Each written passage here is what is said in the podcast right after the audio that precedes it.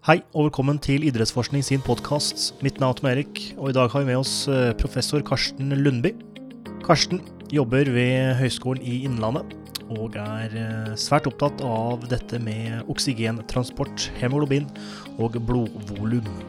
Temaet vil derfor være Live high, train low, der vi er innom dette med høydehus og det å trene eller leve i eh, høyden og hvordan dette eventuelt påvirker disse nevnte begrepene. Hva skjer fysiologisk i kroppen når vi er i høyden? Hvilken påvirkning har det? Og hvor viktig er det med akklimatisering til høyde, og for så vidt varme?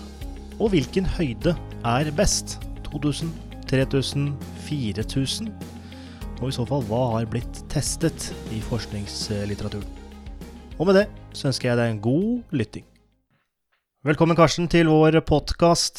Alt uh, står bra til med deg, håper jeg? Ja, det går fint. Takk. Absolutt.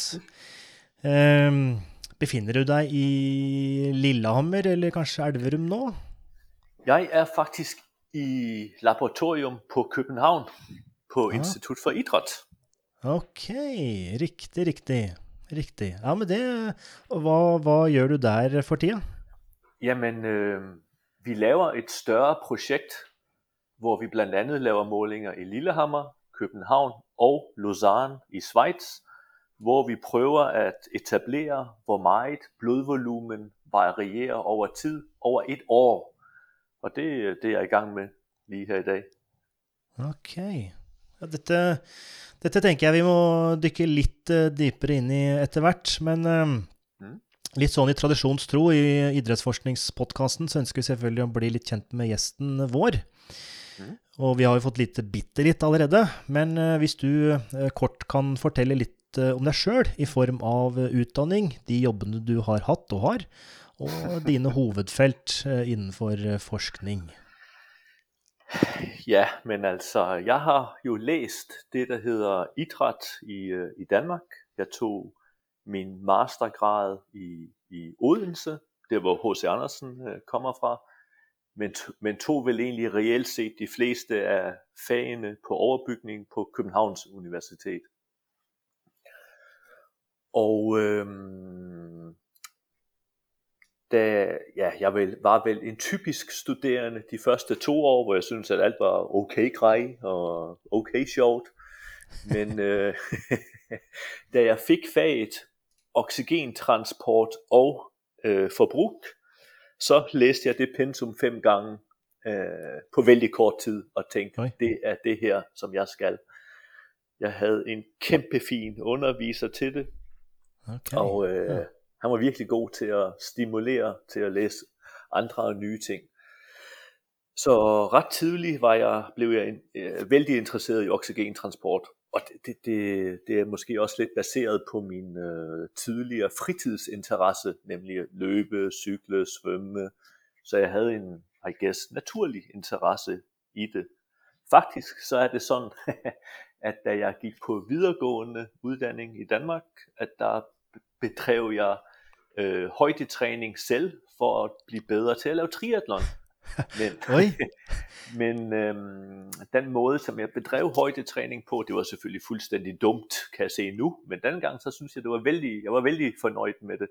Det var ved at øh, løbe med en snorkel. Jeg kender en, og øh, jeg boede i en vældig liten by, og øh, de andre beboere, de må have tænkt, okay, Karsten, han er loco.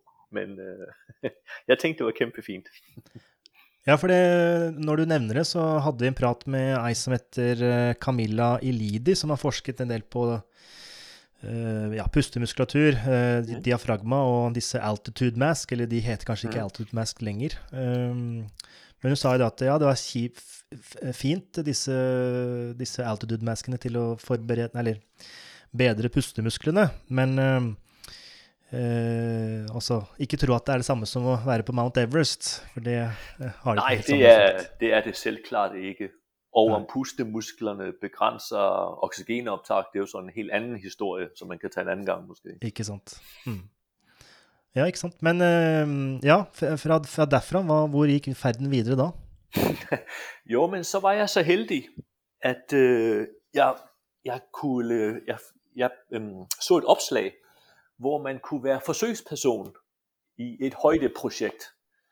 Og det højdeprojekt, det blev gennemført i København på Rigshospitalet, altså det største hospital i Danmark, af en vældig kendt øh, idrætsfysiolog, Bengt Saltin, svenskeren ja. Bengt Saltin.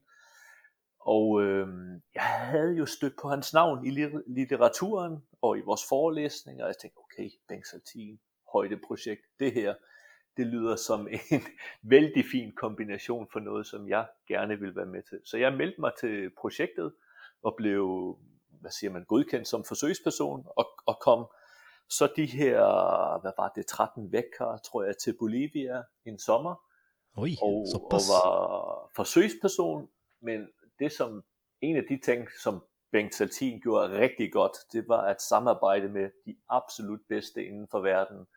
Så, så under det her ophold i Bolivia, så lærte jeg jo en masse af de creme eller creme inden for oxygentransportverdenen at kende. Det kunne være Peter Wagner, eller Ben Levine, eller José Calvé. Og meget hurtigt så fik jeg jo et, et, et indblik i, hvad man kunne måle, og hvad der gav mening at måle, hvornår, og så videre, og så videre. Og det var enormt inspirerende at være med til. Og jeg var ikke i tvivl om, hvad jeg ville være, når jeg blev stor, efter, efter den her tur. Ikke sant? Ja.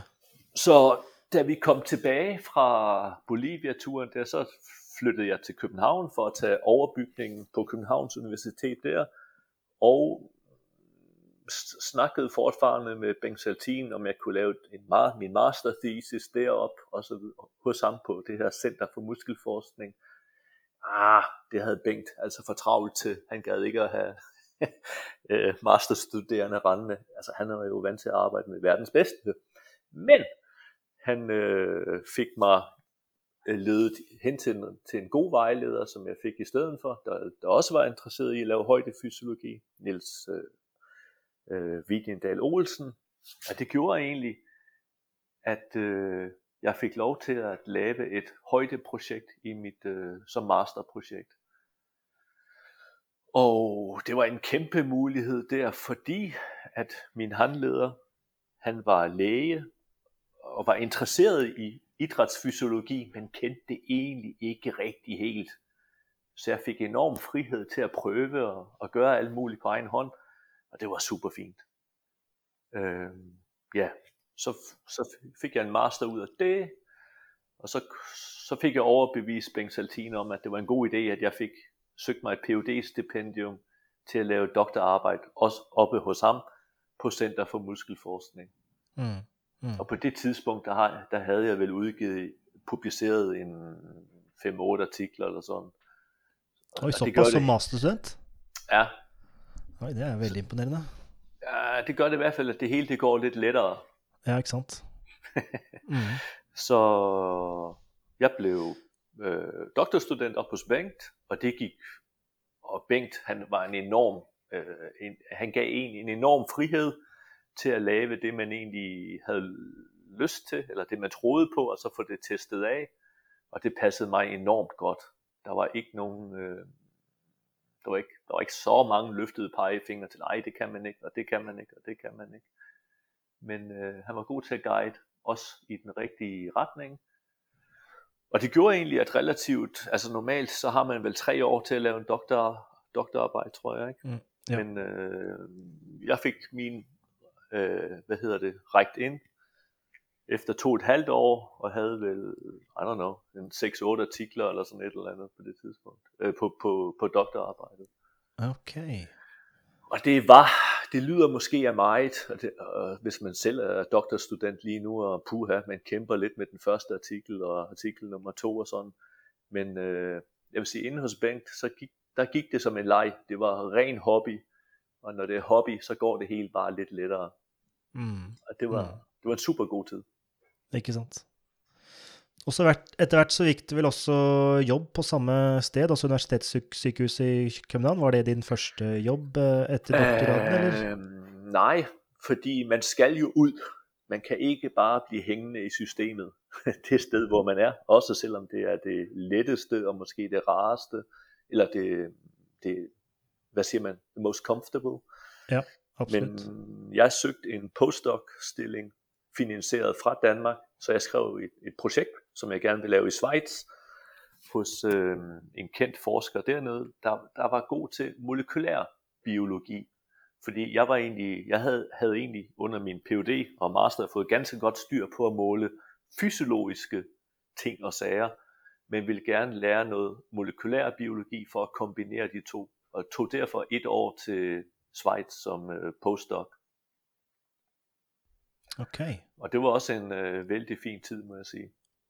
Da jeg været i Schweiz to måneder, og jeg ville jo være der et år, så fik jeg tilbud om at få en øh, assistant professorship i, øh, i Aarhus, altså en anden stor by i Danmark.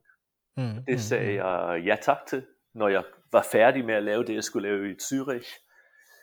Og det sagde jeg ja tak til. Jamen, jeg vil gerne prøve noget nyt igen, se hvordan det fungerer. Og altså, hvis man skal videre i systemet, jamen, så må man jo også tage de stillinger, der nu engang er øh, available. Og en assistant professorship, det var jo et trin længere op ad stigen, og derfor sagde jeg ja tak til det. Mm, mm. Så um, dette med å altså, ikke være komfortabel og bli i systemet Altså, du nevner jo Sveits, Bolivia, eh, Danmark, eh, åpenbart. Eh, og så er du selvfølgelig i Norge etter hvert, som du sikkert kommer til. Men eh, hva slags fordel gir det deg å, å på en måte ha en slags eh, Få flere perspektiv, flere inntrykk, flere kulturelle inntrykk? Altså, Jamen, altså, nu har jeg været ansat også som gæsteprofessor ved, ved flere institutioner, og, og vi har lavet målinger på alle kontinenter i verden, ok, såpass, ja. øh, inklusive Wow. Antarktisk øh, for eksempel. øh, men altså, jeg vil sige, det her med at være ansat, at have haft en ansættelse flere forskellige steder i verden, og arbejdet i store internationale teams, det gør bare, at man har et lidt bredere perspektiv på tingene, og kan se, at okay, det er sådan her, det egentlig hænger sammen i uh, the real world. Og det er jeg vældig nøjt med. Det er jeg rigtig tilfreds med.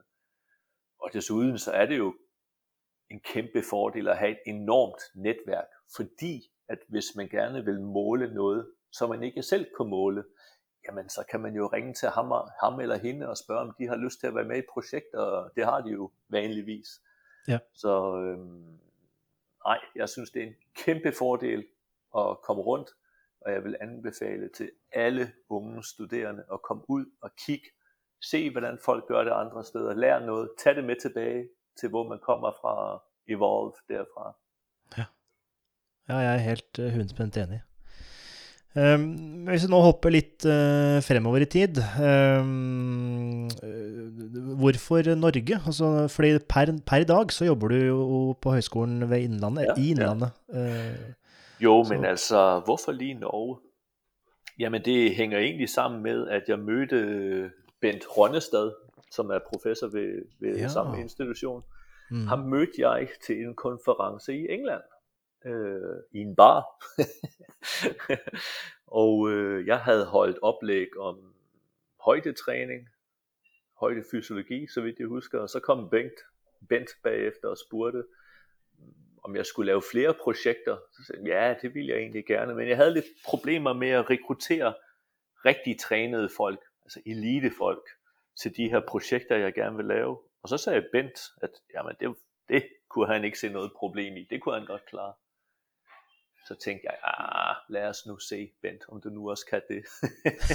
men men øh, da jeg så kom tilbage på kontoret i Schweiz og havde siddet der en, en vækkers tid, så ringede jeg til ham og spurgte, Bent, de der højt trænede folk, kan du virkelig få fat i dem? Og så sagde han igen, ja, det kunne han godt.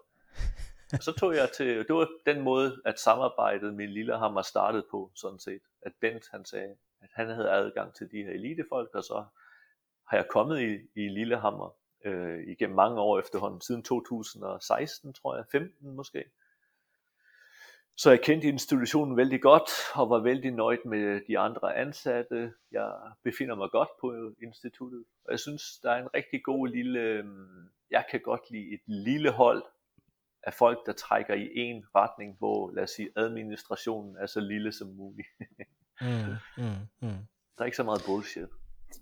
Nei, det er jo viktig. Og uh, ja, vi har nå prøvd å få I hvert fall prøvd tidligere og fått eh, Bent med på podkasten, men han, uh, han svarer ikke, så Ja, så. men Bent, ham kan man han er jo, okay, han er måske lidt yngre end mig, men han er jo lidt gammeldags med nymodernes teknologi, altså uh, Facebook og Twitter og, og e-mails, det er ikke lige ham. I må ringe til ham. Ja, det er det, det, er det jeg tenker det òg. Så vi skal nok få lurt han med på som gjest etter hvert. Det, det er jeg sikker på. Ja. Um, bra. Um, så vil du da si at altså, du startet jo med denne interessen for O2-transport og var ute og løp med, med snorkel og yep. fant ut at det kanskje ikke var det aller smarteste. Uh, men altså, reflekterer da denne interessen for O2-transport forskningen din? Og så jeg vil jo si ja. Mm. Men har du på en måte uh, Har du andre felt også som du har på en måte branched out til? Nej, men altså hvis man nu kommer fra en idrætsinstitution, så tænker man jo måske hurtigt, at øh, oxygentransport og utilization, det har noget med muskelarbejde at gøre, og VO2 max. Men alle organer trænger jo oxygen. Så vi laver vældig meget arbejde, der ikke er relateret til sport, eller til idræt i det hele taget. Det kunne være nyrefysiologi, det kunne være regulering af, af hjertet, altså hvordan kommer hjertet til at slå hurtigere, når man, øh, når man løber for eksempel. Det er jo mere basal fysiologisk interesse, end det er sportsinteresse, vil jeg sige. Mm. Vi har Absolut. lavet en del målinger øh, af, af hjernefunktion, hjernemetabolisme, så helt det er O2 forbrug mm. i hele kroppen, der, mm. der interesserer ja. mig. Både det generelle og det mer spesifikke inn mot den uh, Ja, jeg vil kontekst. faktisk sige, jeg vil faktisk sige, at det basal fysiologiske har min, er det, der interesserer mig mest. Jeg er egentlig personligt ikke så interesseret i, om en idrætsudøver skal, skal træne sådan og sådan for at blive bedre, men mere interesseret i, hvordan styres, eller hvordan reguleres øh, vores blodvolumen, hvordan reguleres hjertefrekvensen, hvordan reguleres pustefrekvensen, så videre. Det er okay. det basalt fysiologiske, der egentlig interesserer mig, og ikke ja. så meget sportspræstation for eksempel. Okay, okay. Ja, men vi, øh, vi skal nå snakke litt om sportsprestasjon uansett, ja. Eh, så vi kommer ikke helt uten, utenom det.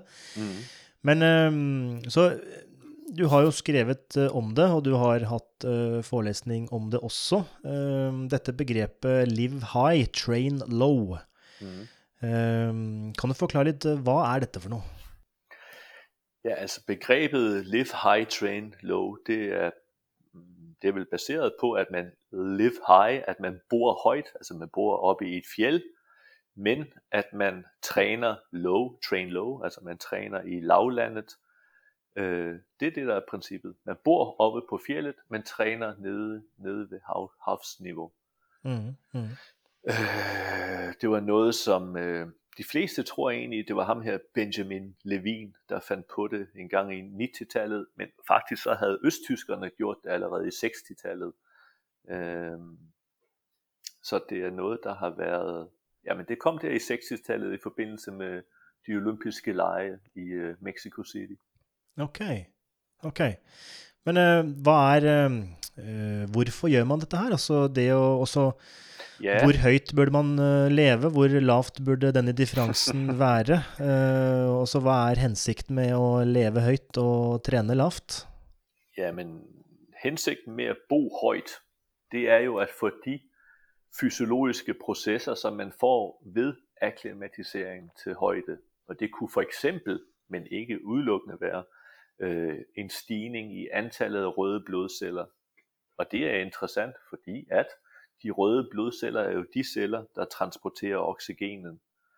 Så man kunne forestille sig, at man får, hvis man får flere røde blodceller, så øger man også det maksimale oxygenoptag.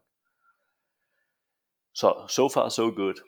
Mm. Grunden til, at der er nogen, der synes, det kan være en fin idé at træne ved havsniveau, altså kombinationen af at bo højt, men træne lavt, er, er, at man, når man bor i højden, at man ikke kan for eksempel cykle eller springe lige så fort i absolute enheder, som man kan ved havsniveau, fordi der er mindre oxygen tilgængeligt i højden. Mm.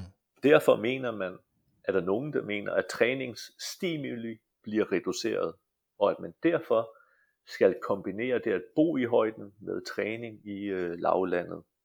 Men er det øh, Man hører jo stadig vekk, øh, egentlig hver sesong, øh, gjerne da skisesong, øh, da det norske skilandslaget skal på en høydesamling og ja, i et eller annet fjell mm. i Italia. Men jeg tror mange kanskje ikke av våre følgere, lyttere, men kanskje mange av Kari Ola Nordmann, den gjengs nordmann der ute, kanskje tror at de både trener og lever i høyden. Er det jo, det inntrykket du også sitter med? Det kommer jo også meget an på, hvad for, et, øh, hvad for en sport man driver med. Det er jo mange øh, nordmændene tager jo nok til Norditalien for netop også at kunne øh, stå på ski. Altså der skal være snø til, tilgængeligt. Ja. Og det er der jo for eksempel i Valsenales, øh, ikke året rundt, men øh, der, er jo, der er jo en gletsjer, hvor man kan stå på ski. Så det er jo et fint sted at tage hen for at kunne stå på ski i periode, hvor man ikke kan stå på, i den korte periode, hvor man ikke kan stå på ski i, øh, i Norge. Mm. Og måske samtidig kombinere det med lidt øh, højdeophold. Altså det er vel det, der er, der er ideen. Men om man nu er, hvad hedder det på norsk, friidræt, hedder atletik. Øh... Om man driver med mellemdistanceløb, for eksempel. Ja så er der jo nok flere, der vil tage til en, øh, vælge et sted, hvor man relativt let kan komme ned til havsniveau, fordi de ikke trænger at gå, gå, i, gå i snø.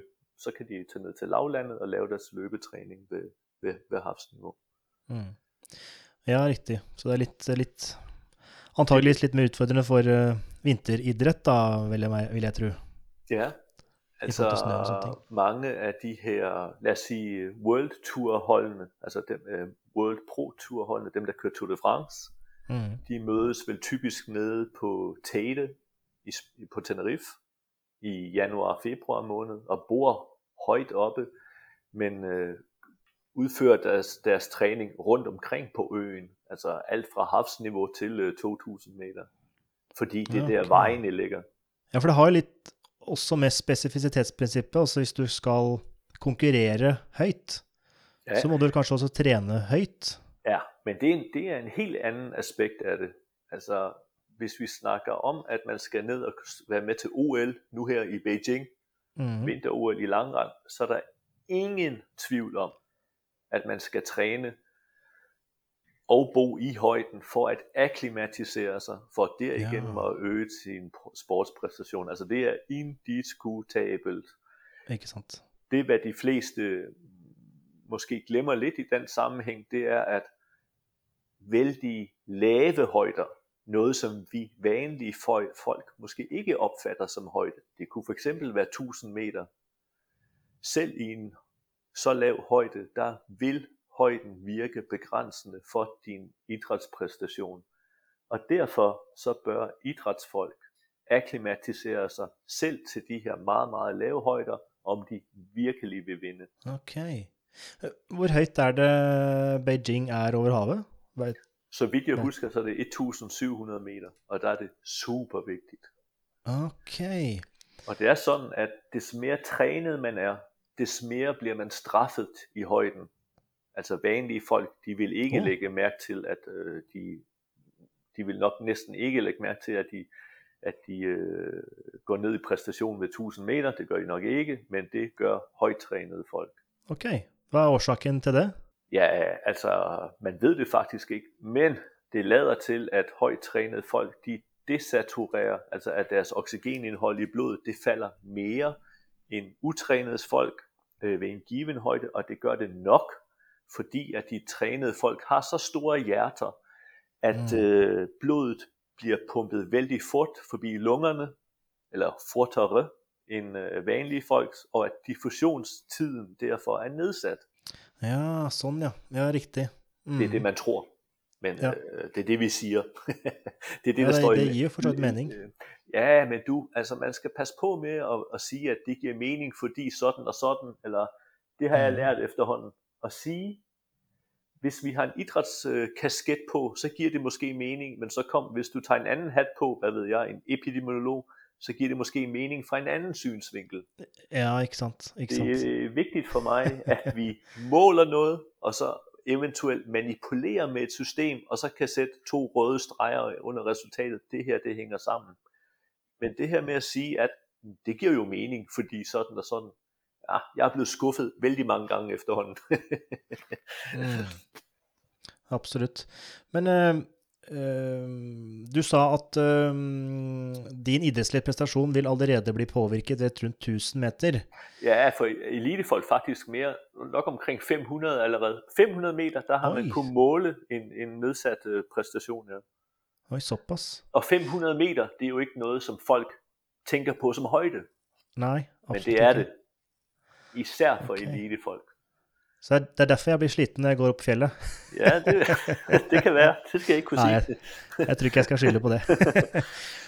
Men Nej, ok. men det er vigtigt. Så hvis jeg var lytter her og var elitemand og skulle til øh, langrenskonkurrence et eller andet sted i Italien, i en lille by, der ligger i 800 meter, så er min klare anbefaling, det er at rejse der til 14 dage, tre vekker inden konkurrencen. Ok, interessant. Dette, dette visste jeg ikke, fordi jeg har alltid trodd at eh, ja, men eh, så lenge det er under eh, ja, 2000 meter, så har de Oh, no, no, no. Ikke sant? Ja, men det var litt interessant. Men ok, la oss, ok, du sier at ved rundt 500 meter og så oppover så reduseres idrettslig prestasjon, i hvert fall spesielt hos godt trente Ja. eliteutøvere. Yes. Når man da drar på en tradisjonell høydesamling, hvor er det man altså, Hvor høyt ligger de? Er det rundt eh, 2-5, 3, 3-5? Altså, hva er sweet spoten her, eller finnes det noen sweet spot? Altså, der er, jo, der er jo publikationer, der vil sige, at sweet spotten den er 2.300 meter. Ok. Men øh, jeg vil sige, det er ikke det, vi ser. Men det, det, det kan man læse sig til i litteraturen, at 2.300, det er the good shit. Ja. Men hva, hva har man testa? Har man testa høyere enn 4000? 5000? Altså, nej, det har man faktisk ikke. Men nu hvor du lige spørger, så har vi fra Lillehammer, vi laver et øh, højdetræningsprojekt i 3.500 meter Ah, med start her 3. januar, og så kører det en måned, altså til 3. 3. februar. Mhm. Og langt, langt de fleste, især praktikere, de vil sige 3.500 meter, det er fuldstændig loco. Men øhm, det ser jeg ikke. Der er selvfølgelig en mening med, at vi tager derhen. Vi tager selvfølgelig derhen, fordi at vi tror, det er en god idé at gøre det, for ellers vil vi jo heller ikke øh, spille tiden med det. Vel? Ikke sant? Så, men er deres, er deres hypotese at 3005 er eh, bedre eller vel så bra som 2003? Nej, jeg tror, det er bedre. Men det tester vi Ah. ikke, for vi har ikke en camp i øh, 2-3. Men Riktig. Vi har tidligere set, lige præcis på den lokation, hvor vi tager hen, at øh, hemoglobinmassen øh, stiger med rundt 5%. Og vi har faktisk aldrig tidligere set en stigning i hemoglobinmassen i forhold til højdetræning. Og derfor vil vi tage elitefolk med hen til den her lokation, Jungfrau Joch i Schweiz, fordi vi ved, at vanlige folk, som vi har haft med tidligere, øh, tre studier nu, de får de her 5% mere i hemoglobinmasse. Og jeg mm. kan Mhm. ikke se, hvorfor elitefolk ikke skulle få det samme. Og samtidig med det, så kan jeg ikke se den helt store grund til at skulle tage ned til havsniveau for at træne. Eller jeg kan faktisk ikke rigtig se grunden til det. Øh, Så det her, det bliver live high, train high. 3.500 meter, en måned. Og jeg er sikker på, hvis der er praktikere, der, der lytter til podcasten, så siger de good luck. Men, øh, jeg er klar på et vedmål. Det, ja, dette blir veldig spennende å følge med på. Hva, er det høyeste publisert eh, per, per dag? Ja, men altså, hvis det er øh, natural altitude, så er det vel 2.500 meter. Mm. Men vi har lavet forsøg, hvor man har boet i højdehus øh, Ja. ja. op til 3.000 meter, øh, 16 timer i døgnet i en måned. Og jeg tror ikke, der er nogen, der har været op over 3.000 meter. Nej. Ok. Ok, kult. Jo, så det, det passer ikke helt. Der er en, der hedder Rodriguez fra Spanien. Han lavede 5.500 meter tre gange per vækker i en time, men det er jo ikke det, er jo ikke, det, er jo ikke det samme, vel? Det er Ja, det- intermittent. Det er også et uh, litt sånn interessant spørsmål. Så hvor, uh, også hvor høyt volum i form av timer eller dager må man være i uh, høyden for å få denne uh, økningen i røde blodceller eller hemoglobinnivå eller hva det måtte være? Ja, altså hemoglo- hemoglobin, det kommer jo ikke, eller de røde blodceller, det kommer jo ikke af ingenting. De skal jo først produ- produceres, og det tager altså lidt tid. Mm. Og øh, vi ved fra forsøg, som vi lavede øh, i starten af år 2000'erne, hvor vi injicerede meget store mængder erythropoietin, altså EPO, det her, den her, det her hormon, der fremmer dannelsen af røde blodceller. Når vi injicerede det, altså ligesom man vil gøre, hvis man dopede sig, så så vi den første stigning i hemoglobinmassen efter tre vækker. Og man skal huske på, at når du injicerer sådan en væske, øh, sådan et hormon her, så er koncentrationerne det er meget, meget højere, end det hvad kroppen selv kan klare at komme op med. Så altså tre vækker, det vil jeg sige er absolut minimum, og, øh, og fire vækker, så, så har vi set noget tidligere. Riktig. Ja, sånn fra en naturlig ståsted. Ja, fra et naturligt ståsted. Altså tre Ok. via, maybe, fire vækker, ja. Hvis om højden, om, om højden er stor nok selvfølgelig. Det er jo klart, at hvis højden bliver lavere, så skal der et længere tid til, fordi at stigningen i kroppens egen produktion af EPO jo er tilsvarende lavere. Mm, mm. Men, men er det noe cap-off her? Altså Er det sånn at uh, lenger enn seks måneder, eller lenger enn eh, tolv uker, eller eh, whatever Er det noe sånn Lenger Nei. enn det, så er det ikke noe vits i? Altså, nej, det passer faktisk ikke. Vi har lige, øh, som jeg sagde, så har vi lavet forsøg på Antarktis. Og vi Mhm. tog til Antarktis blandt andet for at undersøge det. Altså, så vi havde folk, der boede et helt år på Antarktis, og vi målte dem en gang per måned igennem et helt år. De boede i 3.800 meter, og så var der kontrolgruppen, de boede også på Antarktis, men ved havsniveau. Og det, hvad vi ser, det er, at efter en måneds ophold, så har, har de øh, en 6% stigning i hemoglobinmassen, altså det samme, som vi ser andre steder i Europa. Men efter et års ophold, så er den gennemsnitlige stigning 18%.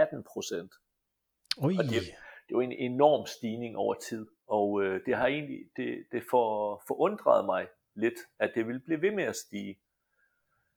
Jeg vil sige, det er en, en, en, en, en fejlregulering egentlig, fordi at oxygenindholdet i blodet er faktisk normaliseret efter en måned, er faktisk endnu kortere, så der er ingen grund til, at erythropoiesen fortfarande kører, men det gør den. Jeg vil sige, Ah. det er et, uh, an accident waiting to happen. Altså den, den, der burde egentlig være en negativ feedback, synes jeg, men det er der ikke. Så, men for lige at gøre den færdig, så vil jeg sige, at så vi har, mål, vi har målt på de her europæere, der har boet et år i, øh, på Antarktis. Og så tilsvarende har vi målt på peruvianere, der har boet minimum 6 år i 5.300 meter. Og de har en, øh, hemato- en gennemsnitlig hematokrit på rundt 80. Altså den her værdi, som er rundt 45 hos vanlige mennesker. Øh, den er 80, og det, ja, hvad svarer det til, hvis man skulle omregne det? Det ved jeg ikke, det er fuldstændig sinds. Det er crazy bananer. Og Ok. de har stort set, de har dobbelt så meget hemoglobin, som vi har her ved havsniveau. De har dobbelt så meget hemoglobin, som den bedste langrendsløber i, i Norge. Oi, shit. Ja. Ja, det Men, men eh, er det sånn at det er et linært forhold til um, hemoglobinnivå og utholdenhetsprestasjon, eller VTO-max? De korrelerer vældig, vældig godt, Mm. og det er en lineær sammenhæng mellem hemoglobinmasse og VO2 max. Men der er selvfølgelig andre ting, der forklarer VO2 max. Øh, Hvis du ikke har et hjerte, der er tilstrækkeligt stort til at kunne pumpe din hemoglobinmasse rundt, jamen, så kan du ikke bruge det til noget. Ja, jeg tenkte bare på hvis Altså, er det sånn at de som har dobbelt så mye hemoglobin, har dobbelt så høyt VTO-max? Altså, jeg antar at det, det er ikke tilfellet, men at det vil flate av etter hvert? altså, vi, vi testede det ikke, fordi vi ikke havde cykler med til Peru.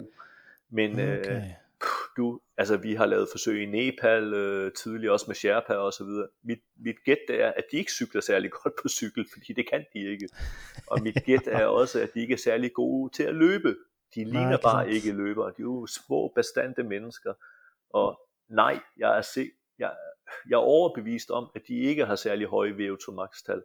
Altså som sagt, en ting det er jo at have, have et blodvolumen, en anden ting det er også at have hjertet til at kunne pumpe det, en anden ting er at have mitokondrier nok, måske i skeletmuskulaturen til at kunne omdanne den her oxygen til energi, og så videre, og så videre, og så videre. Det er jo et sammensat system, mennesket.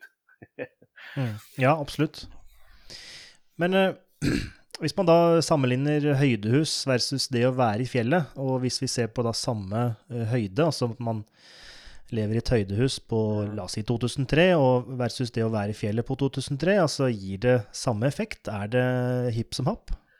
Ja, det vil jeg si, det er det. Der har været, der har været en del skriverier om, om det at være, at være udsat for normobar hypoxi, altså hvor hypoxien er kommet af veje ved at, øh, at, at skylle nitrogen ind i et hus for eksempel, eller og man er hypoxisk, fordi at man har sænket barometertrykket, altså hypobar hypoxi. Men vi har sammenlignet de to modaliteter direkte, og hvor vi har målt produktionen af EPO ved, ved samme øh, oxygenindhold i blodet.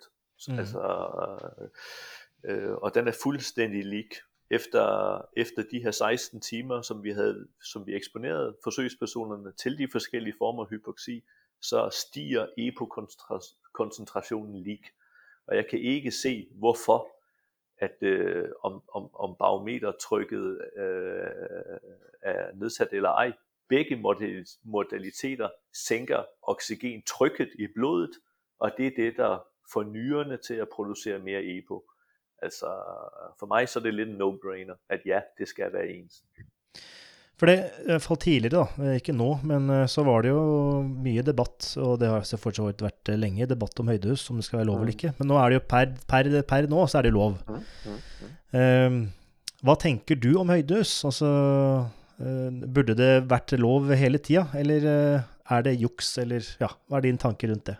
Nej, altså jeg har for lang tid siden fundet ud af, at jeg er fysiolog og ikke, ja. øh, ikke etiker. Jeg kan godt lide at måle noget og sætte to streger under det, men jeg, pas, for mig personligt, nej, så kan jeg ikke se, hvorfor højdehus skulle være forbudt. Jeg, jeg vil uh, citere Ben Levin, altså ham, der ligesom genopfandt Live High Train Low. Mm. Han sagde, at hvis du forbyder højdehuse, så skulle du også forbydes svømmer at svømme i svømmehal. Det er også ja. kunstigt. Det er også unaturligt. og det synes, jeg, det synes jeg egentlig var meget, var meget fint. ja, ja, ja. ja det, det, det, det er et veldig godt billede.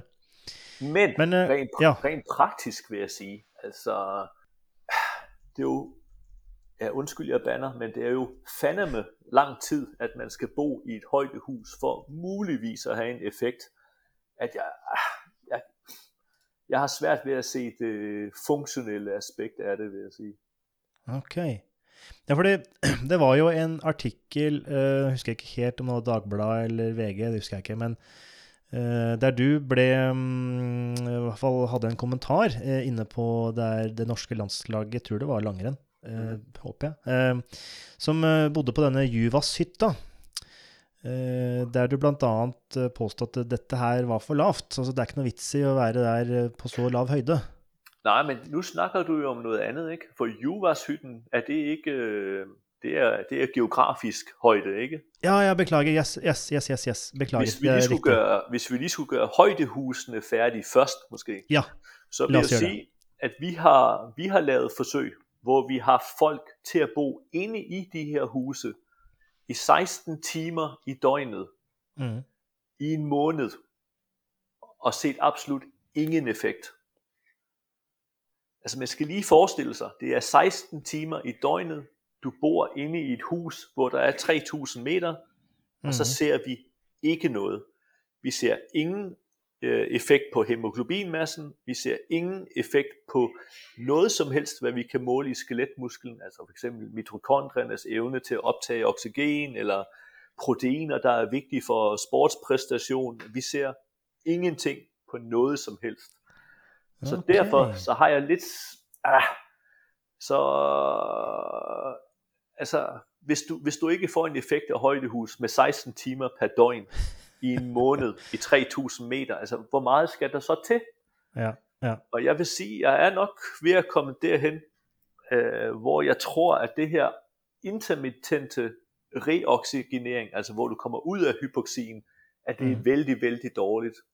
Mm. Vi har også lavet 18,7 timer i døgnet i en lavere højde, øh, 2.300 meter, altså, men i, i rigtig højde, altså udenfor i bjergene, uden at se nogen effekt.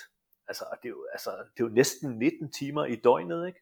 Det, det, er jo, det er jo, lyder jo som noget som en ubådsbesætning skal kunne klare, ikke? men at kombinere det her med en elite sportsmands tilværelse, det kan jeg ikke rigtig se er helt. Ikke. Men øh, hvis jeg da øhm, øh, Hvis du da faktisk lever altså, i, i, fjellet, så får du jo sikkert øh, flere timer enn øh, både 16 og 19. Så vil du da falle på en slags konklusjon om at det naturlige, eller selve fjellet, er bedre fordi du får et mer høyere volum i det, eller altså jeg tror, du får et mere afbalanceret liv af okay. at bo oppe i fjellet, end du gør at bo i en uh, container et eller andet sted, der er flushet med nitrogen. okay, så det er bare det psykologiske som... Uh, Nej, det som... ved jeg ikke. Altså, det må, det må det, altså, hvis man skal maksimere tiden i hypoxien, så er det i hvert fald lettere at gøre det i et fjeld, end det er at gøre det i et hus. Ja, det er jeg enig i. Men hvis du skal falle på en slags konklusjon, det å være på høydesamling, enten det er i fjellet eller i høydehus, er det vits i eller ikke? Ja, men øh, det kommer an på, hvad man har som mål, og det kommer an på, hvor højt og hvor langt tid du gør det, vil jeg sige. Mm, vi snakkede med Bent Rønnestad og jeg, vi snakkede med Jumbo Visma her for en måned siden, fordi de tager på højdesamling her i, i øh, på Tete, altså nede i Tenerife. Og som deres træner så klogt sagde, ja, men altså, de tog måske ikke kun derned for eventuelt at få mere hemoglobin, men også for at være samlet et sted, hvor det var lidt svært for andre at komme til og komme fra, så de var vældig isoleret og kunne koncentrere sig om deres træning. Og det har de jo ret i. ja, ikke sant. det, kan jo, det er jo en positiv ting, vil jeg sige. Men nu tager de jo altså ned til Tate, og er der i tre væk, vækker. Tate, det er 2.000 meter, eller lige 2.100 meter faktisk. Og jeg vil stille mig tvivlende over for, om det har en, en effekt på hemoglobinmassen. Men det er, vi er Bent og jeg er inviteret med til Jumbo Vismas træningslag, for at øh, undersøge blandt andet det. Okay. Altså, men jeg vil sige, at grunden til, at øh, vi i Lillehammer laver det her højdetræningsprojekt i Schweiz med start 3. januar i år i 3.500 meter i en måned. Det er fordi, det er det, jeg tror, der skal til for at have en, lad os sige, gavnlig effekt. Så om du siger, at du tager 14 dage til Livigno i 1.900 meter, så vil jeg med, med det mål at få mere hemoglobin, så vil jeg nok sige, ah, well, så vil jeg nok sige, that ain't gonna happen. Men om du tager til Lillehammer, for, eller øh, undskyld, til Livigno for at træne øh, sammen med dine kompiser i Italien, hvor kaffen er god, solen skinner, sneen, snø, snøen er vældig fin, jamen så er det sikkert en god idé. Ja, ikke sant. Men ja, hvis det er for at få mere hemoglobin, så vil jeg sige nej. Ja, det var et uh, veldig godt uh, nuansert svar, som, uh, som, som vi absolutt liker her i idrettsforskning, at det ikke er så det er ikke så enkelt. Det er alltid det kommer an på uh, hva man er ute etter, som du, som du sier. Ja, men altså, jeg vil sige, for mig, det første højdetræningsstudie, vi lavede, altså Live High Train Low, der var det egentlig for at finde ud af, hvordan virker det her? Hvad er den fysiologiske mekanisme, der gør, at man bliver bedre efter en Live High Train Low lejr? Og der er svaret, øh, det er 0-1-0-1-0-1. Altså, enten så er der mere hemoglobin eller ej. For eksempel, øh, så i min verden, så er, så, så, er, så, så er svaret faktisk ikke så nuanceret. Men i en træners verden, så må det være vældig nuanceret. Absolutt. Absolutt. Men uh, hvis vi nå beveger oss til uh, denne Juvashytta, som ligger på en naturlig høyde på uh, Var det 1600 meter? Mm. husker du det, Karsten? Nej, det, det, nej, det gør jeg ikke, men det er deromkring. Lad os sige måske 1700. I, I don't know, ja. jeg kan ikke huske det. Ja. Um, men um, der var det jo i media Eh, og sa at eh, dette var jo ikke noe vits i. Og dette er kanskje sammenheng med det vi nettopp har snakket om, i forhold til eh, både lengde og høyde i, i, det å få en økt økt utholdenhetsprestasjon, selv om man er med gode kompiser, eller Nå, men idrætspræstationen, den kan jo bli økt på mange måder. Det er jo ikke kun hemoglobinmassen. Det er jo det her, hvis du kan komme et sted hen, hvor du er i et godt miljø, hvor du kan træne godt, hvor du kan spise fornuftigt og sove godt, osv., osv., så er det jo mm-hmm. kæmpe fint altså. Men at tage til Juvas-hytten i 14 dage, eller hvad det nu er, hvad det nu var, for at få mere hemoglobin masse, det har jeg svært ved at se. Ja. Øh, det rationelle i.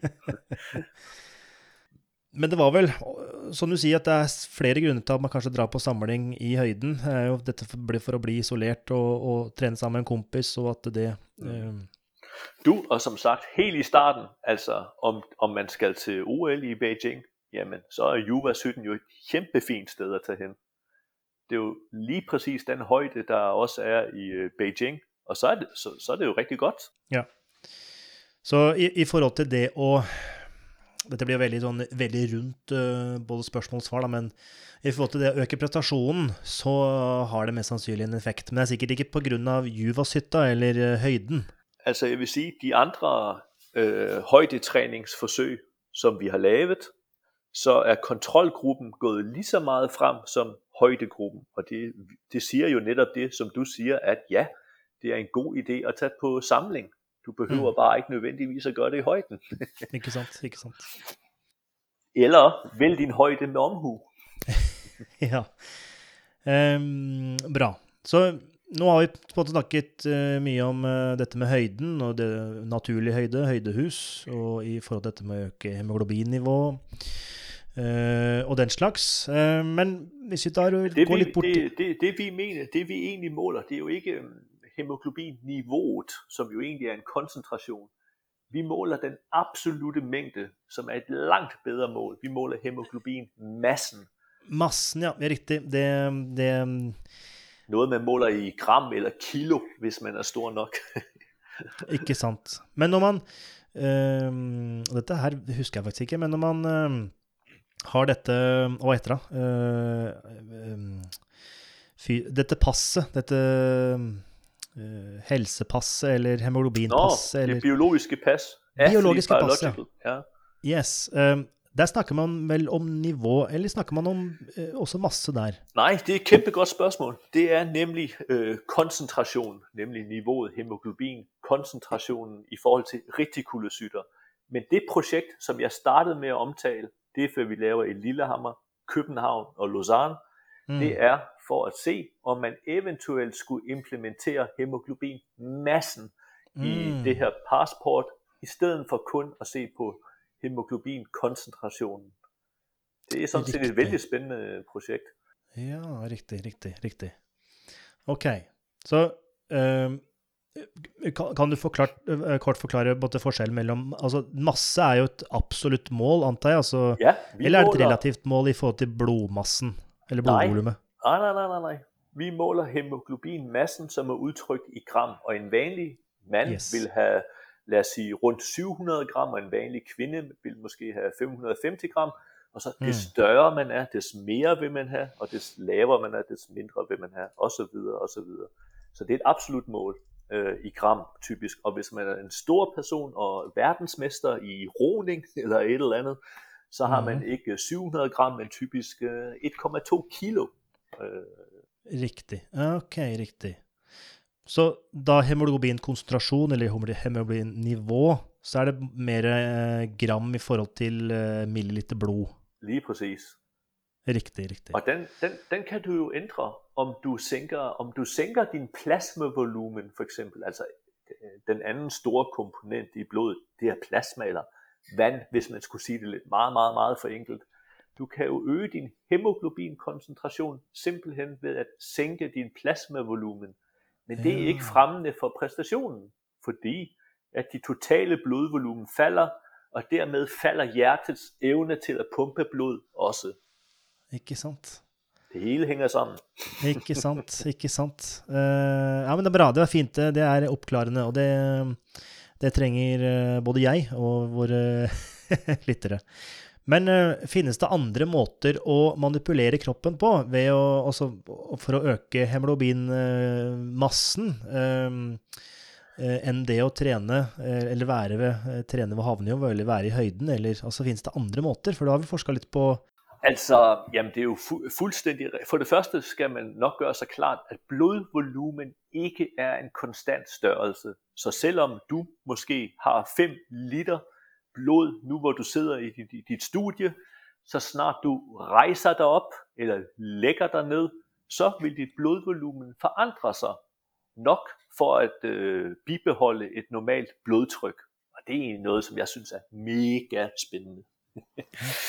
øhm, så blodvolumen forandrer sig hele tiden. Men hvis du vil lave noget, der er kronisk, øh, på kronisk, mere kronisk niveau kan ændre dit blodvolumen, altså øge det, for eksempel, øge det, jamen så kunne du jo, hvis du nu øh, fløj til Katar og opholdt dig ude i ørkenen øh, et par dage, så vil du typisk få 20% mere plasma altså den her vandlige del i, i mm. blodet. Mm. Og, øh, og, og en af de ting, hvad, hvad vi har bidraget til med i forhold til varmefysiologi, det er, at det ikke kun er plasmavolumet, der bliver øget med varmeeksponering, men hvis du er eksponeret længe nok, ligesom i højden, så kommer der faktisk også flere røde blodceller. Og det synes jeg også er super, super spændende. Mm. Øhm, hvorfor gør der det? Det er et spørgsmål. Og jeg synes faktisk også, det er spændende, at vi typisk ser, at forandringerne i hemoglobinmassen er lidt højere, end det, der vi vanligvis ser med højdeeksponering. Ja, ja, av, av, av denne varmen. Ja, ikke, ja. ja, ikke sant? Ja. For du har gjort noe forskning på dette med uh, utsettelse for det å trene i varmen. Uh, ja. Og da gjerne over 30 grader, uh, så vidt jeg har lest. Du, det behøver man faktisk ikke. Kan, okay. Man kan faktisk gøre det i en kold kælder oh. i Håkonshallen i Lillehammer, øh, hvor der ingen sol kommer, og det bare er koldt og mørkt. Men om du tager dig på en dragt, hvor svetten ikke kommer igennem, altså en varmedragt, mm. så kan du faktisk øge din kernekropstemperatur tilstrækkeligt til, at du får en ekspansion af din plasmavolumen relativt fort, og vi tror, at den her ekspansion i plasmavolumen er en af årsagerne til, at der også kommer, kommer flere røde, røde blodceller efterfølgende. Vi tror, at der kommer flere røde blodceller på sigt, fordi at kroppen vil prøve at normalisere din hemoglobin-niveauer, som du siger. Mm. Du, du kan mm. forestille dig, om du, om du øh, ekspanderer din om du ekspanderer din plasmavolumen, så falder din hemoglobin niveauer, altså din koncentration. Og vi tror, at en af grundene til, at der kommer flere røde blodceller, det er kroppens forsøg på at få den her, hemo, øh, den her hemoglobin niveau til, til, tilbage til sit udgangspunkt. Det som din krop lige kan have. okay. Det tror vi, men du, altså, det kan også være masser af andre ting. Øhm, det kunne også være sådan nogle, øh, nogle proteiner, heat shock proteiner, der kommer i gang, og de sætter også gang i erytropoiesen. Så vi vil mhm. egentlig prøve at undersøge det her mekanistisk.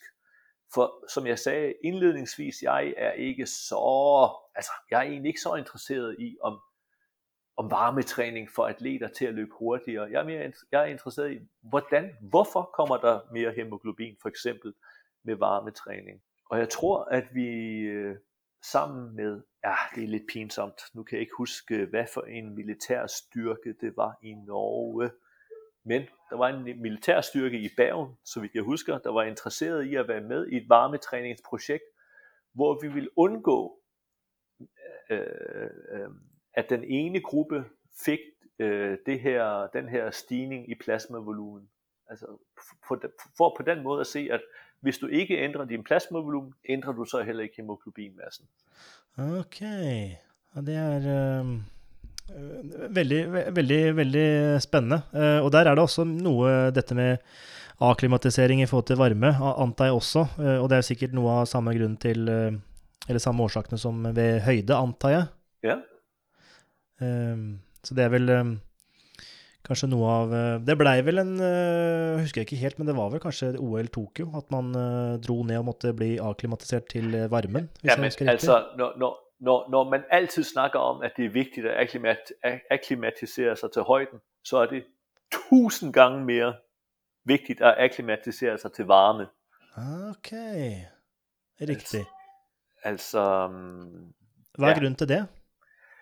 Det, grunden er, at mennesker ikke tolererer ret meget varmestress, kombineret med, med et højt øh, aerobt output. Man husker jo måske øh, til OL i Los Angeles i 84, hvor den svejtiske maratonløber crashede på målstregen. Ikke? Hun havde jo et heat stroke. Du kan ikke lige huske, hvad det ah. hedder til, på norsk. Men altså, det er jo, det er jo ja, varmeslag, kunne det hedde det? Øh, varmeslag eller solstik, kanskje? Ja, lad os, lad os kalde det det. Ja, ja. Det, lyder, det lyder rigtigt. ikke sant. At kroppen har lettere ved at håndtere hypoxi, end det har at håndtere varmestress. Ja, ikke sant. Ok. Ok. Ja, interessant. Dette visste jeg ikke. Ja. ja det er veldig mm, det, Men um, uh, bare sånn kort innom um, For du hadde en altså Jeg tror det er din nyeste artikkel i forhold til dette med training, wear and thermal clothing. Uh, oh, training ja, ja. in hot ambient conditions are equally uh, effective methods of heat acclimatization. Ja, ja. Uh, og det var vel litt det samme som du nevnte i stad, dette med denne Du kan sitte nede i en kjeller og ha på deg en varmedress versus det å sitte i et rom som er 35 grader, at det gir samme effekt, hvis jeg forstår det riktig? Ja, og du, det, det, det, det, det, jamen, det er helt riktig forstået. Vi ser samme effekter af at træne med varmedress, som at træne i et varmt eller vældigt fugtigt rum. Ja. Det, det, det, det gælder om, det er jo at få at, at få folk til at svede, altså at miste en masse væske under træning. Det er i hvert fald det, vi tror lige nu. Og hvis man nu var idrætsinteresseret eller sportsmand, der rejser rundt, så er det jo selvklart lettere at tage sin varmedragt på, end det er at tage sit varme rum med. Ja, absolut. Og billigere. Og billigere, ja, ja. ja, for øh, jeg kan ikke huske, hvad vores varmedragter, hvad de koster, men det er jo basically en regnjakke, øh, og, en, og en hue og en, en varm trøje. Altså jeg tror, det her sæt, det koster 199 kroner i en sportsforretning, som jeg lige har glemt, hvad hedder, men øh, det er ikke, ikke noget særligt. Det er sikkert uh, mange, mye av det samme som sikkert uh, bryterne og andre vektklasseidretter bruker for å gå ned i vekt før konkurranse.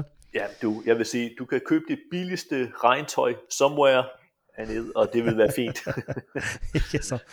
Men uh, det ene er jo å, å, trene og bli varm uh, ved bruk av uh, dette tøyet. men kan man få effekter bare ved å være i varmen, type badstue sauna?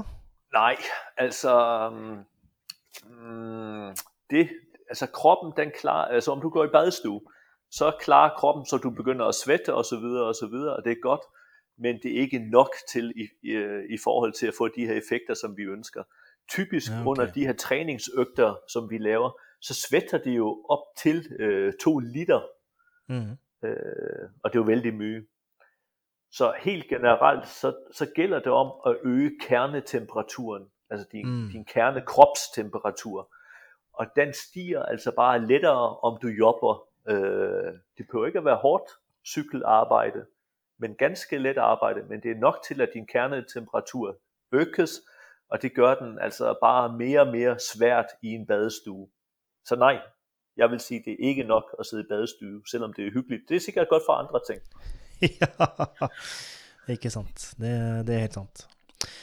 Ålreit. Da har vi vært innom uh, mye. Uh, mye, ma masse interessant. Så dette har vært uh, veldig, veldig bra. Uh, men vi har fått en, et spørsmål fra en følger som du har nevnt, og som du kjenner, ved navn Nikki Anquist. Um, så uh, spørsmålet, er hans, eller spørsmålet hans er som følger. What would what would in his belief be the most efficient altitude slash heat training and maintenance program for a professional cyclist peaking multiple times in a year? Det er et ganske stort spørgsmål, føler jeg. Det et kæmpe stort spørgsmål. Ja, ja.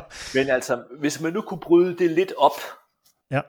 så det er måske, det er måske vigtigt at, være, at forstå, at når et menneske kommer tilbage fra højde, altså om man har været for eksempel et år på Antarktis, og man har rundt 20% mere hemoglobin masse, end man havde inden man tog til Antarktis, så går der en, øh, så går der vældig kort tid inden at, altså efter man kommer tilbage til havsniveau, så går der vældig kort tid inden at hemoglobin niveauerne er, eller undskyld, hemoglobin massen mm. er ret tilbage til det, hvad den var inden.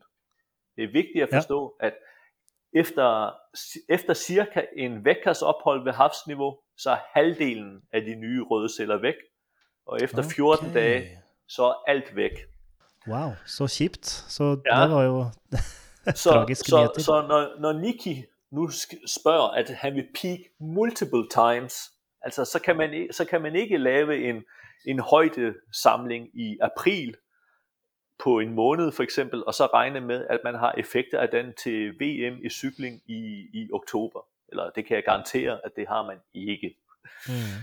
Så man vil jo skulle gentage sine højdesamlinger, øhm, og man skulle nok gentage dem minimum, vil jeg sige, en måned inden man skal i konkurrence. Så hvis man skal til Tour de France, og man skal til VM i oktober, jamen så skal man på højdesamling i juni og i september.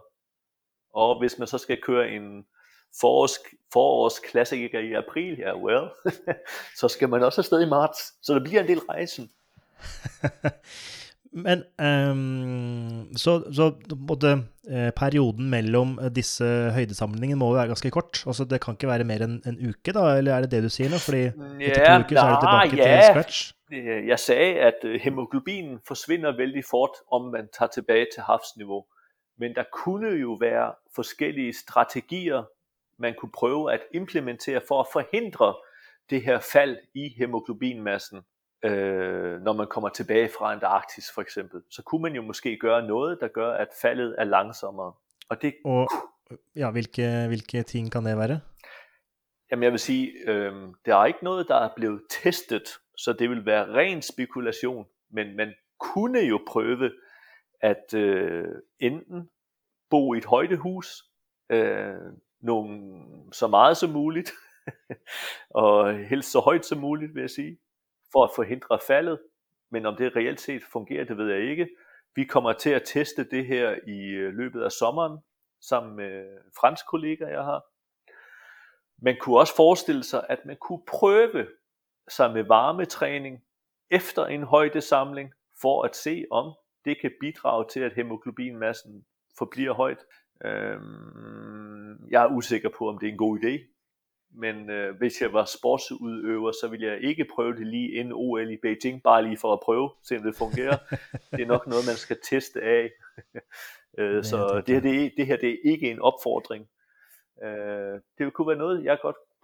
Hvis vi havde uanede penge, så ville jeg nok undersøge det. Så det kunne være et sjovt projekt at gøre, synes jeg. Ikke sant? Om vi ikke har uanet penge, mængde penge, og det har vi ikke, så tror jeg ikke, vi kommer til at gøre det sådan lige forløbigt i hvert fald.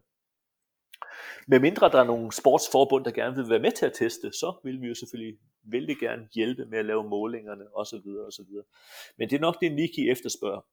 For eksempel, når man har været på højdesamling, og man så kunne prøve at opretholde hemoglobinmassen efter, i efterkant. Og det kunne man muligvis ved at bo i, i højdehus, eller ved at lave varmetræning. Det vil være bud. Øh, men altså, vi har jo, baseret på den viden, vi nu har med højdefysiologi og varmefysiologi, så har vi jo vejledt enkelte atleter i, at de muligvis kunne prøve at kombinere højde med varmetræning. Og det er der enkelte atleter, der har gjort, og de har sådan set ganske god erfaring med det. De ser dem, så dem vi har interageret med, de ser et ganske fornuftigt resultat. Men Altså, det er jo ukontrollerede forsøg, uden kontrolgrupper, og så videre, og så videre. Så øhm, inden vi kan sige noget, så skal vi have lavet et ordentligt forsøg, og det, det ser jeg ikke lige ligge i kortene lige inden for det næste stykke tid. Det er jo vældig svært at få penge til den slags forskning her, fordi, ja. Ja, blandt andet fordi, at det ikke er helserelevant, kan man sige. Øh, heldigvis vil jeg sige, så vil, de, så vil øh, den NFR, altså det norske forskningsråd, hellere give penge til diabetesforskning end til højdeforskning, og det, det synes jeg er fornuftigt. Men øh, det er svært at få penge og skaffe midler til den slags øh, forskning her. Så ja. øh, jeg kan ikke, det ligger ikke lige i kortene, at vi tester det lige forløbigt. Nej, riktig. Men, øh, Men det har været veldig, veldig interessant at, om, at, at se. Øh, hvem, hvem kunne lytte til den her podcast? Det kunne Uno X måske, eller, eller Langrandslaget. De har sikkert også ja. nogle penge. Så vil vi meget gerne teste det her rigtigt. Ikke sant? Det er en oppfordring til våre lyttere og, ja. og for så vidt uh, følgere. Så de som har en stor pengebok der ute, kontakt ja. Karsten. Jo, takk. Bra. Nei, men uh, jeg tenker at det var et godt svar på det spørsmålet der til, til Nikki. Så meget bra. Jeg føler vi har nådd enden, enden på, på, praten vår, Karsten. Føler at du har fått svart på og sagt det du ønsket å si her i dag? Ja, yeah. du, jeg kunne snakke om det her til, til næste uke, så, men det er sikkert fint at stoppe her. Nej, jeg synes, ja. det var nogle gode spørgsmål, du havde. Vi kom bredt omkring. Uh, jeg er glad for, at jeg lige fik sagt, at vi laver det her højdetræningsprojekt i vældig højt højde, altså 3.500 meter i en måned, som mm. praktikere vil synes er crazy banana, men som jeg synes er, som vi gør, fordi vi selv tror på det. Og det synes jeg er vigtigt at sige. Ja, nej, jeg er veldig nøjd. Det er veldig bra. Og så øh, bare en liten sånn øh, en fun fact, vil jeg påstå. Uh, så anbefaler jeg alle lytterne å se en hvis man søker på navnet ditt, og så søker man uh, på uh, flight eller uh, noe ja. Der du tar blodvolummålinger i et fly som er i fritt fall, der du er da vektløs. Ja, det er nemlig riktig. Alle. Det er veldig, veldig kult å se. Veldig interessant. Og, og det er jo, ja, helt og, det er jo basal fysiologi. Det er jo basal fysiologi, ja. det er ikke sportsfysiologi, men det er super, super spændende. Hvad hvordan bliver vores blodvolumen fordelt i vægtløs tilstand? Og faktisk, hvis jeg lige skulle runde den af, så kommer vi til at gøre det samme øh, til sommer i, øh, i, i Kroatien på fridykkere, der dykker ned ah. til, til 20 meters dybde. 20 mhm. meter. Mm. Og der opholder de sig i 5 minutter og så kan vi tage øh, blodmålinger samtidig med og se, hvordan deres blodvolumen forskyder sig fra, fra, fra cirkulationen til andre steder i kroppen. Så det er lige det ah. modsatte. Det er wow. super cool. wow. Det, ja, det, det, da håper jeg det kommer en video på det også på Facebook. ja, ja, det ved jeg ikke. Det må vi se. ja, ja, ja. Kjempebra. Eh, takk for praten, Karsten. Det har vært eh, informativt og veldig læringsrikt, så takk for det. Jamen, takk fordi jeg måtte, måtte være med. Det var veldig hyggelig.